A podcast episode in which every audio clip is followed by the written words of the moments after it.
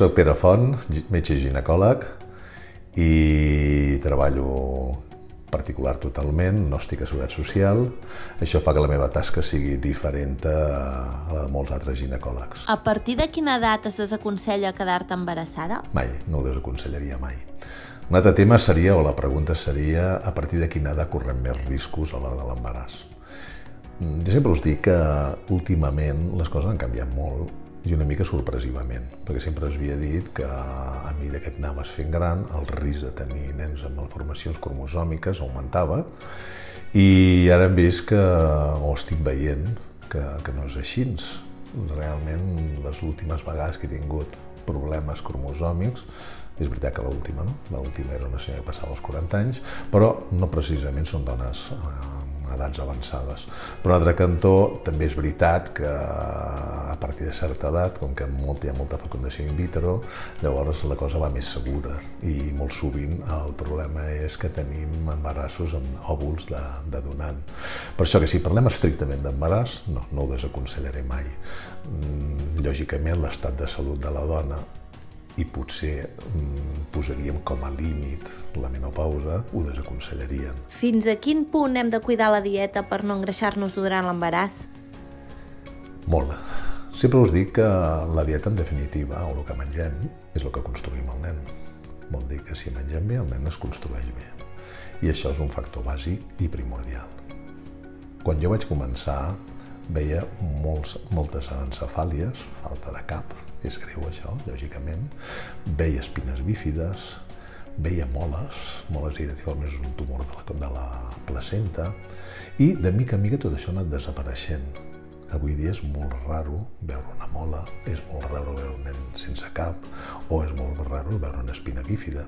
I l'única cosa que ha canviat radicalment perquè l'edat no ha canviat, al contrari, ha empitjorat, és la dieta. No hi ha res més que hagi canviat tant. En conseqüència, si tenim una bona dieta, queda clar que el que estem construint ho estem fent millor. I suposo que això també ha fet que, en general, el cuidar-nos a més, eh, s'arribi més bé l'embaràs i les condicions per gestar siguin molt millors. O sigui, veiem menys problemes, malgrat que l'edat sigui avançada. O dit d'altra forma, potser tots som una miqueta més joves, independentment de l'edat. Eh? I això per mi és molt important, vol dir que la dieta s'ha de cuidar molt.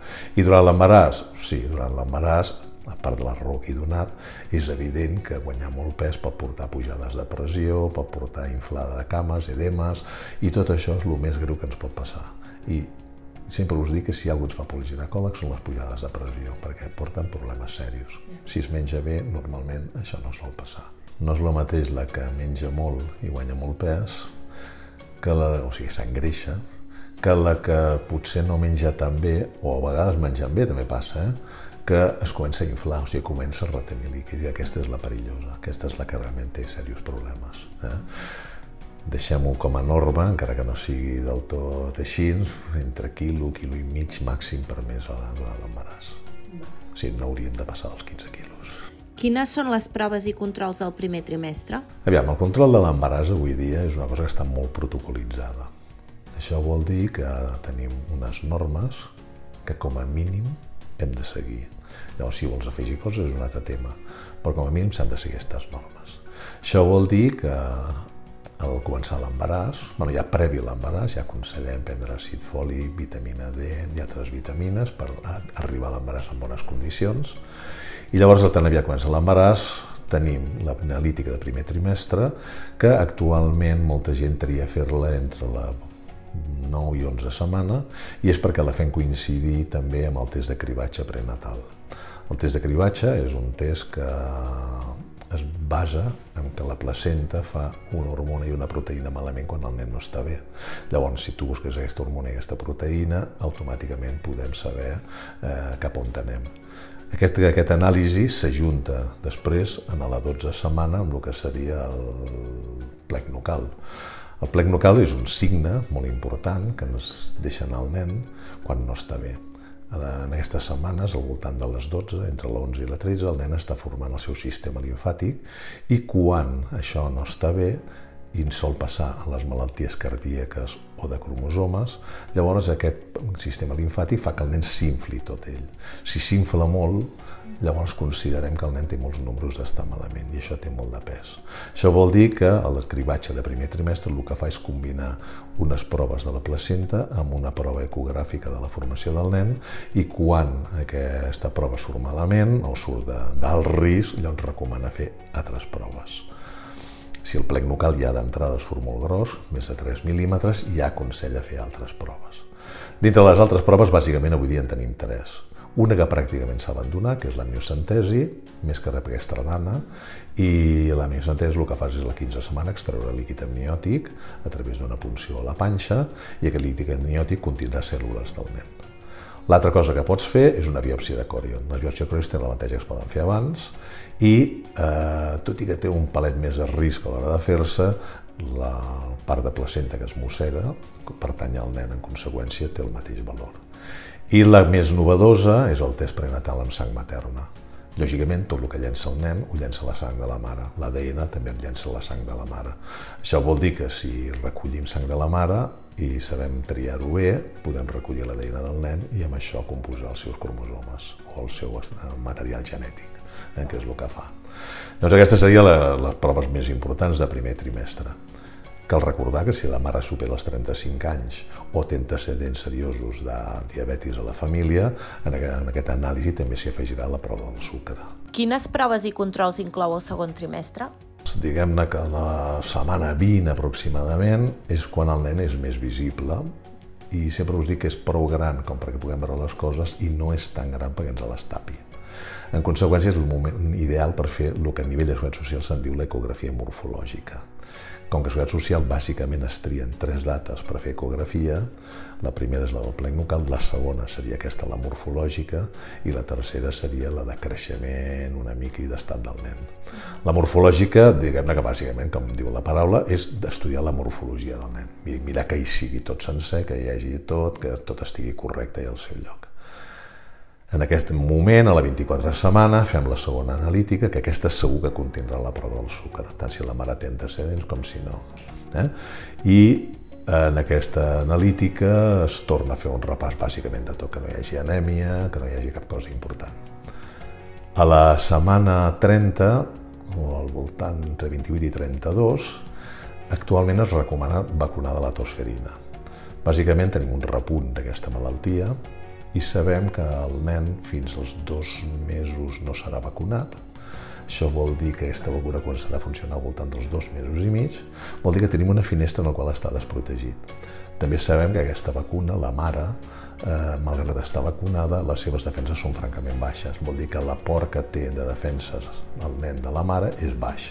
I com que és baix, si tornem a vacunar la mare, fem pujar les seves defenses, les passarà al nen i el mantindrà protegit aquests dos mesos i mig que tardarem en que sigui efectiva la, la vacuna de, de la tosferina.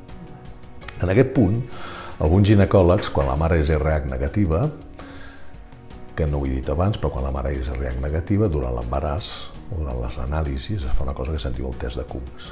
El test de Coombs serveix per saber si hi ha qualsevol problema a nivell de, de sang, a nivell de RH, entre la mare i el fetus. Si el test de Coombs és positiu, vol dir que hi ha problema. El normal és que surti negatiu. Això es fa en el primer trimestre i es fa en el segon i en el tercer, lògicament.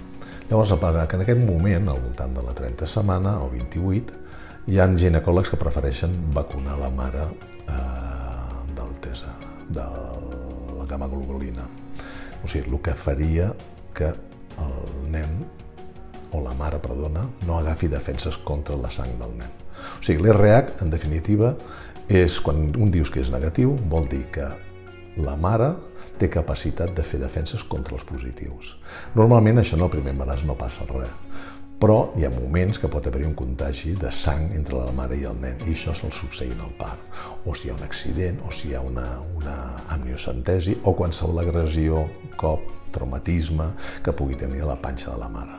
Llavors, si això passa, passaria sang del nen a la mare i si aquest nen és positiu, que hem de recordar que no sabem el grup de sang del nen fins que no neixi, si aquest nen és positiu, aquesta mare faria defenses contra els positius. I aquestes defenses sí atravessen la placenta i sí anirien al nen i sí li provocarien una anèmia. Bueno, doncs per evitar això, ja que a la 28 setmana prefereix posar aquesta, aquesta gamma globulina.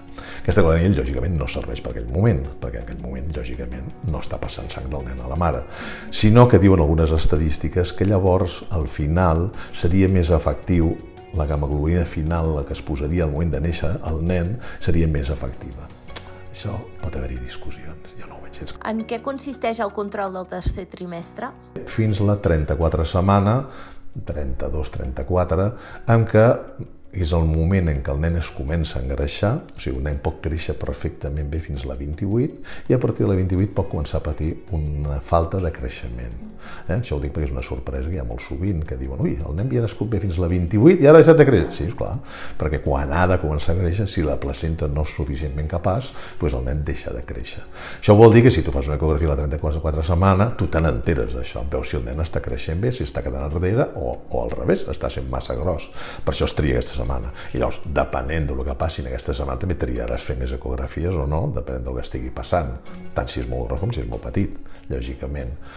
Al voltant de la 35, 34, 34 també se sol fer la, la tercera analítica, on ja es mira coses pensant en el part. Per exemple, una cosa que m'agrada recordar és que una bona acció és en el moment del, del part recollir la sang del cordó umbilical. Per recollir la sang del cordó umbilical que conté moltes cèl·lules mare, cèl·lules que poden curar a altres persones. El bo és saber que la mare no té cap malaltia prèvia. Per això val la pena com a mínim fer una hepatitis C i és un dels errors per les quals es fa, es demana també. Vol dir que demanem les proves de l'hepatitis, proves de coagulació per estar segurs de que durant el part no tindrem hemorràgies ni cap problema a l'hora de fer peridurals, i si tot està bé, ja només ens queda fer el cultiu vaginal i rectal un dels germans que sabem que ens poden donar problemes en el moment del part, poden contagiar el nen i fins i tot li poden donar meningitis, és l'estreptococ beta-hemolític. És una possibilitat molt remota, però hi és. Com que hi és, val la pena comprovar si la mare conté o no té aquest germen, que s'ha de recordar que aquest germen es porta com, com un hoste, o sigui, és un gènere dels que portem a sobre i que difícilment el tractament l'eliminarà, el qual vol dir que si surt positiva la prova no es fa tractament en el moment, sinó que s'esperarà en el moment del part a posar antibiòtic. I està comprovat que fent servir ampicilina en el moment del part el risc queda pràcticament anul·lat. Bueno, pràcticament no, queda anul·lat i ja està. I amb això, doncs res, ja hem arribat al part. Ha sigut ràpid aquest embaràs.